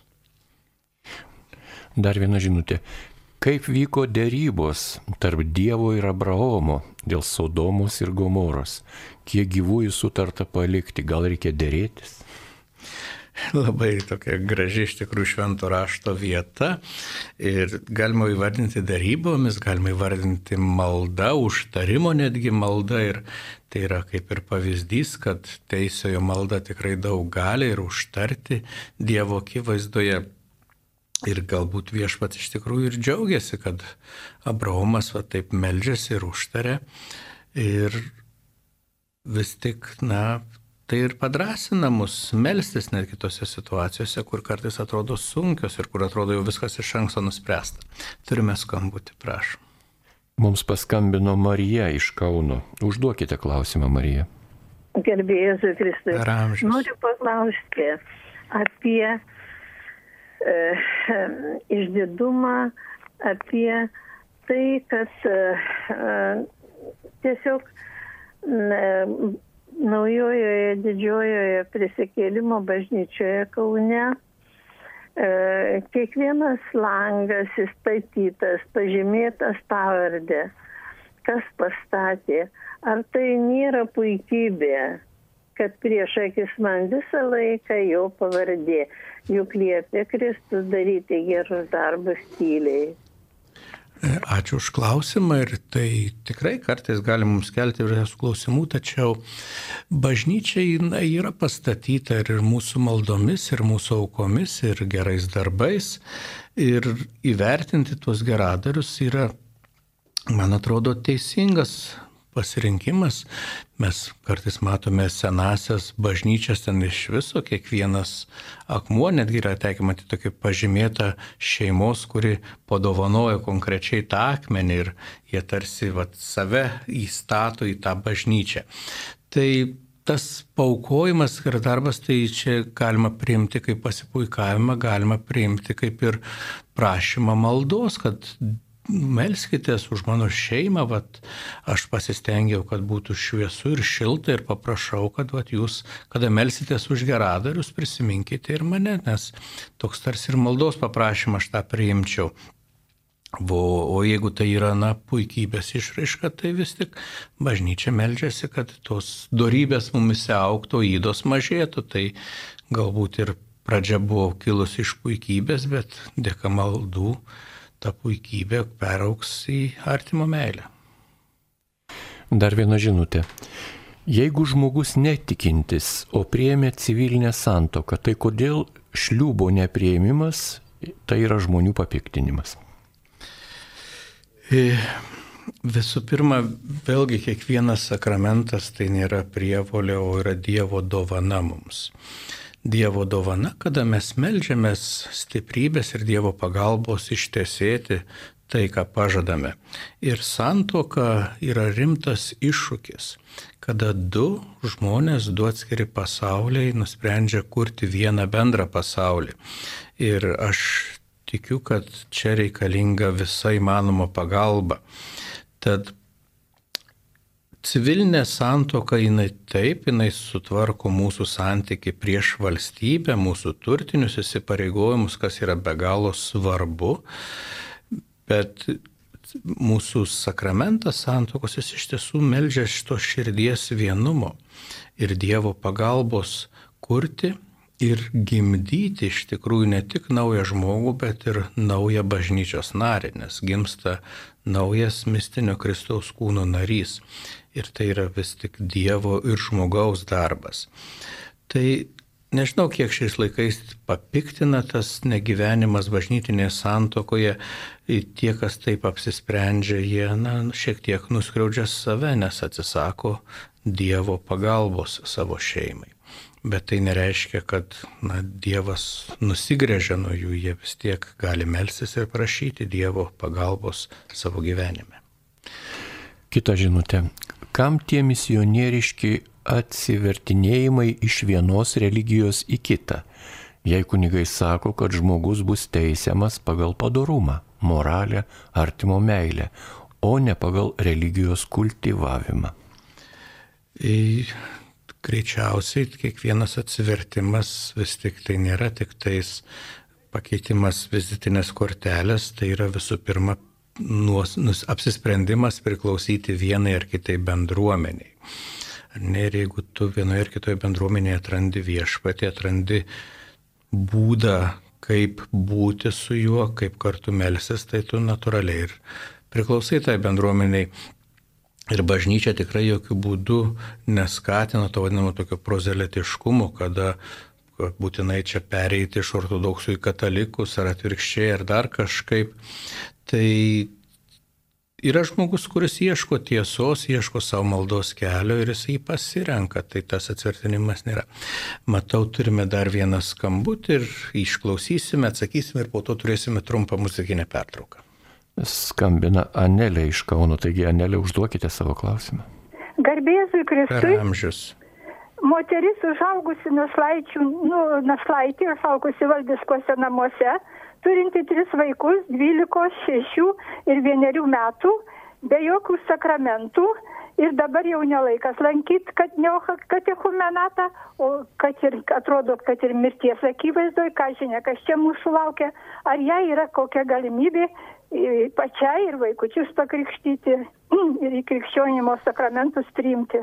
Visada tokia galimybė yra ir ačiū už jūsų rūpestį ypatingai mirties pavojuje, tai visada galima įeiti į tą vienybę su viešpačiu, bet jeigu atsiranda toks noras, visada reikėtų ieškoti būdų, kaip tą savo tikėjimą pažinti.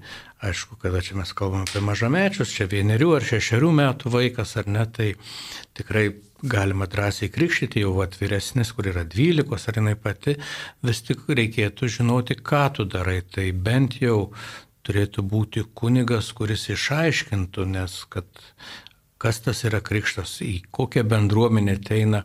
Ir taip pat yra paraginimas, nu, ne tik tais formaliai kažkokį išsimti kataliko pažymėjimą, bet iš ties įsijungti į katalikų bendruomenę. Tai ačiū už jūsų rūpestį, už jūsų klausimą ir tikrai galite pakviesti tos žmonės susitikti galbūt su vietos klebonu ir jis padės jums tą klausimą įspręsti.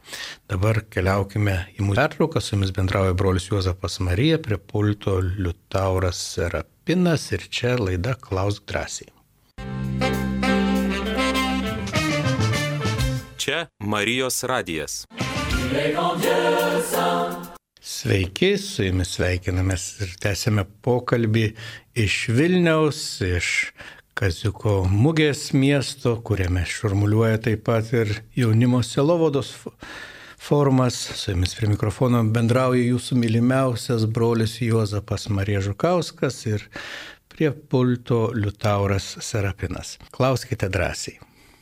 Taigi klausė klausytojai, iš jūsų atsakymų apie Vokietijos sinodą supratau, kad bažnyčia gali priimti tuos teiginius ir palankiai.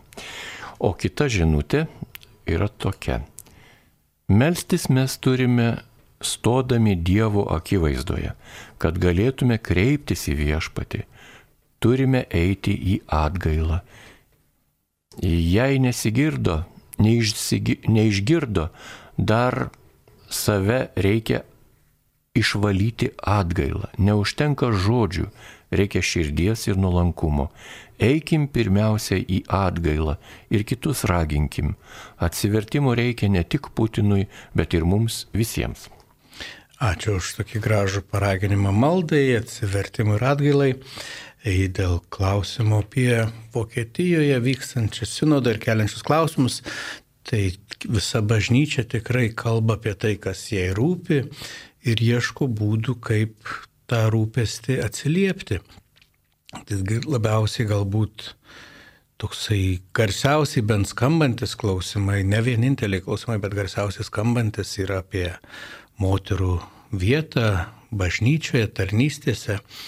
Ir tikrai reikia pripažinti, kad galbūt ne visada buvo atrandama ar atliepiama ta problema, tai bažnyčia tikrai neužmerkia prieš tai akių ir kalbasi apie tai ir aš esu tikras, kad bus įvertinta tai, ko bažnyčia ieško, bus pažiūrėta į tai Biblijos šviesoje ir bus rasta vienas ar kitas būdas, kaip su tuo gyventi ir kaip tai išspręsti. Garbėjai Kristui. Sergu depresija. Žmona man sako, esu užkasęs talentus. Kaip jūsų manimų 48 metų vyrui rasti talentus? Juk žinau, Kristus moko, būkite tobuli kaip dangiškasis tėvas. Ką man daryti, rašo Gedeminas. Taip, Gediminai, depresija iš tiesų yra sunki šio laikmečio lyga, kuri yra klastinga ir tokia daugelįpė ir užklumpanti net ir atrodo labiausiai pasiruošusius, atrodo, gyvenimo pilnatvę išgyvenančius žmonės. Ir įvairiausių priežasčių čia gali būti tiek medicininių, tiek dvasinių, tiek psichologinių. Kiekvieną atvejį reikia spręsti atskirai, tačiau priklausimas kažkokiai bendruomeniai, turėjimas tikslo, kaip sakant, dėl ko keltis kiekvieną rytą iš lovos ir ką daryti, tikrai mums padeda. Tačiau tikrai nereikia vengti ir specialistų pagalbos. Dabar dėl tų mūsų talentų ir sugebėjimų esu tikras, kad jau per savo gyvenimą esate pastebėję, kam esate gabus, kur linksta jūsų širdis. Kartais galbūt nebuvo galimybių tuos talentus ugdyti ir vystyti, tai ieškokite būdų, ieškokite žmonių, su kuriais kartu galėtumėte tuo gyventi, kur galėtumėte panaudoti tuos savo sugebėjimus. Ir tai irgi vienas iš būdų išlipti iš tos tokios depresinės būsenos ir rasti savo vietą ir jaustis naudingu. Tokia žinutė. Garbė Jėzui Kristui gerbiamas kunigėlį. Noriu jūsų gerbiamas kunigėlį paklausti, ar gali būti teikiamas paskutinis patepimas sveikam neįgaliajam, kai jis turi, pavyzdžiui, operuotis atlikti tokį tyrimą kaip klonoskopija, dėl kurių gali ištikti ir mirtis. Pagarbiai Ramūnė Petrauskaitė iš Grūšlaukės Kretingos rajono. Ačiū Ramūnė už klausimą ir kaip suprantu, kad tikrai turite ir rūpestį savo artimoje aplinkoje, melskime, kad visa tai būtų sėkmingai sprendžiama ir būtų atrandamas tinkamas gydimas. Dabar dėl paties sakramento, tai jisai visų pirma yra malda, prašant stiprybės ir pasveikimo, tai tikintieji yra netgi drąsinami ir raginami nebijoti prašyti kunigo maldos ir ypatingai jeigu iškyla pavojus gyvybei, tai netgi primiktinai prašomi prašyti, kad viešpats visų pirma gydytų sielą ir duotų stiprybės kūnui pasveikti. Tai tikrai drąsiai kreipkitės ir priimkite ligonio sakramentą. Turime klausimą telefonu. Mums paskambino Stanislava iš Kauno. Užduokite, gerbiamas Stanislava, klausimą. Gerbėjai Kristui. Amžius.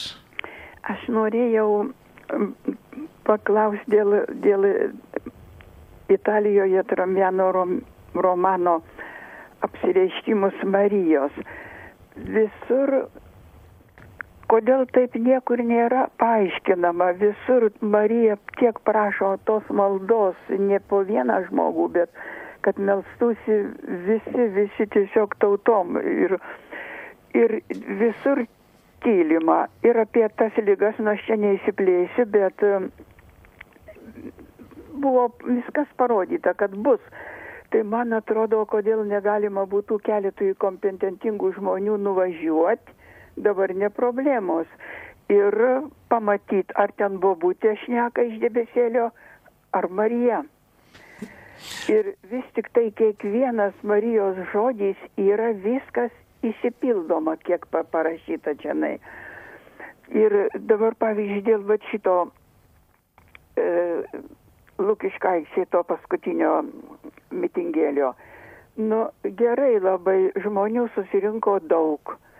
Ten po vieną maldelę buvo skalbėta, nesvarbu, ar ten viskovo, ar ten pasaulietčio, bet tai mes laukiam visi, kurie negalim tenai nuvykti, laukiam, kada prasidės rožančius, juk tai galinga malda ir visur prašoma. Ir nieko nesulaukėm. O galbūt tokios minios malda galbūt tikrai perskrodus dangus maldos strėlėm ir, ir galbūt agresorius gavęs į kaktą mhm. su, su tos maldos. Ačiū, strėlė. ačiū Jums už Jūsų rūpestį. Tikrai taip nėra, kad būtų negirdimas paraginimas melstis ir tą bažnyčią ir daro, ir kviečia melstis, galbūt neakcentuoja, kad čia vat, vieno ar kito apsireiškimo paraginta, nes yra bendrai pakviesta jau nuo paties Jėzaus laikų melstis ir nepaliaujamai melstis, tai kad Marija vienoje ar kitoje vietoje primena tai, kas buvo jau pasakyta, taigi nieko naujo ir nepasako. Kviečia melstis, tai bažnyčia tą ir daro. Dėl paties tyrimo tai tikrai ir vietos viskupijos pradžio lygmenių dar kažkaip yra tie klausimai. Pažiūrime ir gana rimtai žiūrime, juk žiūrėkite ir įvairūs apsireiškimai yra ir plačiai žinomi, tai, tai kad pasiekė jūsų ausis, tai rodo, kad na vis tik yra apie tai kalbama, galų gale O kad tai neparistatoma kaip kažkoks stebuklas naujas, nes, na, Marija kartoja, kartoja tos pačius dalykus, kuriuos bažnyčia ir skelbia. Dabar dėl rožinio maldos, tai Marijos radijas tikrai vienyje daugybę žmonių ir nuolat kviečia melsis už tai, kad tai kviečiame ir jūs prisijungti, kad tokia malda nebuvo suorganizuota Lukiškėse, na tai čia organizatoriai taip suplanavo, tokiu būdu paragino susirinkti, pabūti. Ir vat, jeigu jums vat, pastebint tai kilo noras melsis rožančių, tai vis tik manau, kad pasiekė savo tikslą, galbūt ir daugiau žmonių. Ir tikrai kviesime ir šiandien vat, jungtis prie Marijos radijoje kalbančių rožinio maldos ir melstis kartu. Ačiū už klausimą. Dar viena trumpoji žinutė. Ar puikybė yra tai, jei į bažnyčią eidama rengiuosi pačiais gražiausiais rūbais?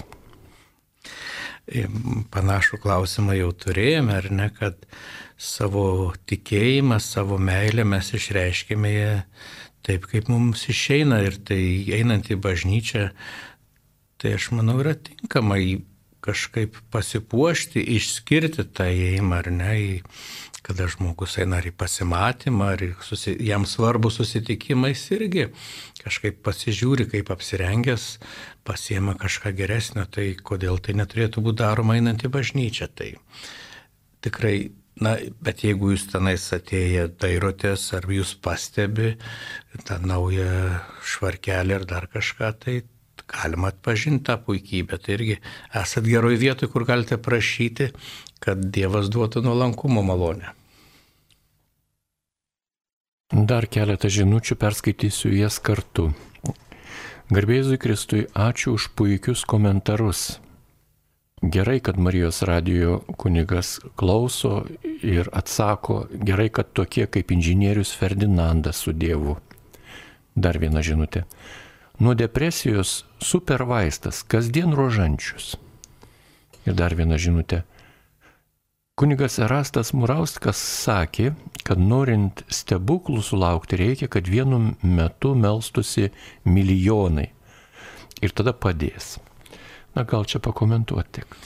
Tai ačiū už gerus žodžius, už palinkėjimus ir pasidalinimą į receptais sveikatai. Tikrai yra daug liūdėjimų, kad rožinio malda tikrai yra galinga, ypatingai ir tokio to pačio depresijoje.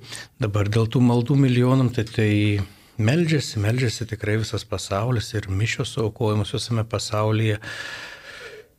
Tai ką dar reikėtų daryti? Visada, visada galima dar kažką padaryti ir jeigu jūs jaučiate paraginimą organizuoti kažką, tai pradėkite vat, savo vietiniai bendruomenėje, galbūt tai išauks ir kažkokį didesnį maldos sąjūdį paskambino Stasė iš Skuodo. Taigi prašom Stasė, sakykite. Garbė Jėzui Kristui. Per amžius. Aš labai norėčiau iš širdies padėkoti kunigams, atsakantiems į tokius klausimus, už tokią, nežinau, kokią kantrybę. Ir žmonės ten nenusigauna, kad nesiklauso Marijos radijo ir užduoda po tuos pačius klausimus, kad kunigai viskupai nesimeldžia. Tegu daugiau klausosi Marijos radijo ir tada bus tokių klausimų nereikės užduoti. Ir dar norėčiau, nežinau, gal čia negerai vieną klausimą. Ar negalėtų kaimo tokiuose bažnyčiose kažkaip kunigėlis atvažiuoti į mokyklą po kartą, nu gal mėnesį, gal savaitėje. O, aš žinau, mano anūkai lankė, bažnyčia patarnavo, kokią reikšmę turėjo, kada atsilankydavo. Kada atsilankydavo klebonėlis, tiesiog kūčias, nu žinai, dabar jau kūčias švesdavo mokyklai, kokiu džiaugsmu, net penktokai, šeštokai, nu nežinau dabar gal mažai kunigų nėra tų galimybių, bet nors la, mano, mano supratimu. Ačiū Jums, ponė Stasė, už gerus žodžius. Ir tikrai kunigai bent jau miestuose mokyklas aplanko. Aišku, galbūt kaimeliuose, tolimesnėse vietose yra sudėtingiau, nes ir kartais tų kunigų yra šiek tiek mažiau. Bet esu tikras, kad jeigu kažkokios mokyklos bendruomenė norės, kreipsis, ieškos, tikrai atras kunigą, kurį galės pasikviesti svečius. Aišku, yra idealu, jeigu ta bendrystė užsimesga ir tęsiasi, kad tai nebūtų tik vienkartinis toks susitikimas, bet, na, turim kokią turim situaciją. Bet čia jau tikrai turėtų iniciatyva kilti iš pačių bendruomenių pusės. Dar viena žinutė. Garbė Jėzui Kristui. Kai kurie ypač pamaldieji kalba apie Dievo tėvo perspėjimus, jog negalima priimti švenčiausiojo sakramento į ranką, kad tai išniekinimas. Kaip yra iš tikrųjų? Visų pirma, mes turime suvokti, kas tai yra švenčiausias sakramentas. Mes tikime, kad tai yra reali Jėzaus prezencija tarp mūsų. Ir Dievas tėvas atsiunti Jėzų Kristų gyventi tarp mūsų, taigi jis jau buvo tarp mūsų. Ir ta bendrystė, jinai išaugo į tą buvimą prie stalo, kur Jėzus sako, aš tarp jūsų liksiu ne tik kaip dvasinis atminimas, bet ir realiai ir ta duona, tas vynas, kada jūs valgysit ne tik, kad prisiminkit mane, bet aš realiai būsiu čia. Ir jis padavė tikrai ne į burną paštalams, bet laužė ir davė jiems į rankas ir jie priemė ir valgė Ir Jėzus nesibijojo būti žmonių rankose, netgi leidosi ir nuplakamas, ir nukryžiuojamas, tai labiau negu tiek neįmanoma. Aišku, tas prieimimas į ranką vis turi būti pagarbus. Tai vis tik turime suvokti, kad priimame patį Jėzų Kristų. Ir vėlgi, kaip minėjome čia ir anksčiau laidoje, Dievui vis tik yra svarbiausia žmogaus širdis ir jeigu yra širdies nusistatymas tinkamas, tai ar tu priimsi tiesiai į burną, ar į ranką, ar galų gale netgi pats paimsi iš lėkštutės, kaip ką kitur yra duodama netgi, tai tai yra tik tais forma, kaip mes randame būdą vienyti su Kristumi. Svarbiausia, kad suvoktume, kieno akivaizdoje esame ir ką darome. Ačiū už klausimą. Jeigu sakramentai iš šventojo rašto, Tai kodėl protestantai jų nelaiko sakramentais? Jiegi nepraščiau išmano Bibliją už katalikus. Taip, kiekvienas sakramentas randa savo atramą, sakykime, šventajame rašte. Bet tai nėra kažkas, ką Jėzus pasakė dabar bus taip, taip ir taip. Tai yra, galima sakyti, įvardintos tam tikros antgamtinės dovanos. Aišku, kai kurios jos yra tarsi savaime aiškios ir kaip krikštas, sutvirtinimas ta pati komunija atrodytų, ar ne, va paskutinės vakarinės metu, bet net irgi dėl komunijos jau staiga turime tokį nesutarimą su protestantų bažnyčioms, kuriems tai yra tik atminimas, bet nerealus Jėzaus buvimas. Tai netgi dėl tų sakramentų, kurie pripažįsta kaip sakramentus, jau čia yra skilimas. Galiausiai žiūrėkime kunigystę. Matome, kaip Jėzus išsirenka paštalus ir juos po to renkasi dar 72 mokinius ir skaitome paštalų darbuose, kaip tie mokiniai išsirenka vyriausiose bendruomenėse vyresniuosius ir ant jų dėdami rankas juos paskiria, tai bažnyčia čia atpažįsta tame kunigystės sakramentą. Kiti gali sakyti, Tai tiesiog malda užtikinti ar ne. Tai sakramentai jie gimsta iš bažnyčios tradicijos praktikos ir jie įvardinami kaip antgamtinės žmogų realiai perkeičiančios dovanos. Kiti sako, viso to nereikia, mums užtenka tik krikšto. Kiti sako, na, šalia krikšto dar ir sutvirtinimą atpažįstam, nes na, šventosios dvasios veikimas nori, nenori, jisai matomas. Kiti atpažįsta Euharistija, išpažintis vėl ar ne. Mes tikime, kad Jėzus duoda tą galimybę surišti ir atrišti žemę ir danguje ir ta dovana paštul rankų uždėjimų tęsiama bažnyčioje per kunigus. Kiti sako, ne, vis tik vienas Dievas gali atleisti, kaip beje ir pačiam Jėzui Kristui buvo prikišta, kaip jis čia drįsta atleisti nuodėmės, čia tik Dievas tą gali. Tai šventas raštas, jisai pateikia tiesą, bet nesako, kaip tą tiesą suprasti. Tai žmogus yra laisvas skaityti. Bažnyčia pateikė savo skaitimo būdą ir sako, taip mes 2000 metų skaitom ir atrandam, kiti sako, ne, mes, man, mes manom kitaip, na, jų teisė. Kunigė broli, liko dvi minutės, nebeskaitysiu žinučių, jų liko dar apie 30. Bendroje sumoje jūs atsakėte į 17 telefoninių klausimų ir į 30 žinučių SMS per šias dvi valandas. Kaip apibendrintumėte šį klausimų srautą? Aš tik tais galiu be galo džiaugtis, kad žmonės domisi, skambina ir tikrai nelaikykite savo širdyje neužduotų klausimų garsiai, nes kiekvienas turime tų klausimų, tai klauskite, diskutuokite, jeigu nepakankamai aiškiai atsakėme, dar kartą klauskite, nebijokite. Tikrai mums neužgauna tie, kad ir pakartojami klausimai, nes jie vadinasi yra svarbus ir žmonės nori išgirsti ir išsiaiškinti. Tai ačiū, kad rūpinate savo tikėjimu, dėkoju už jūsų rūpestį mūsų broliais ir sesėm Ukrainoje, už tą tokį paraginimą maldai, tikrai prisidedu prie tų raginimų. Na ir taip pat visus tuos, kurie prašėte maldų už jūs, tai tikrai užsirašiau, neužmiršau ir dar šiandien va čia pat šalia radio studijos yra Marijos aušros vartai, tai nuėjęs Marijos akivaizdo tikrai atnešiu jūsų rūpestį.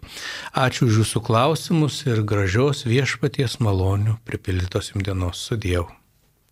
Su jumis buvo kunigas pranciškonas, brolis Juozapas Marija Žukauskas. Likite su Marijos radiju.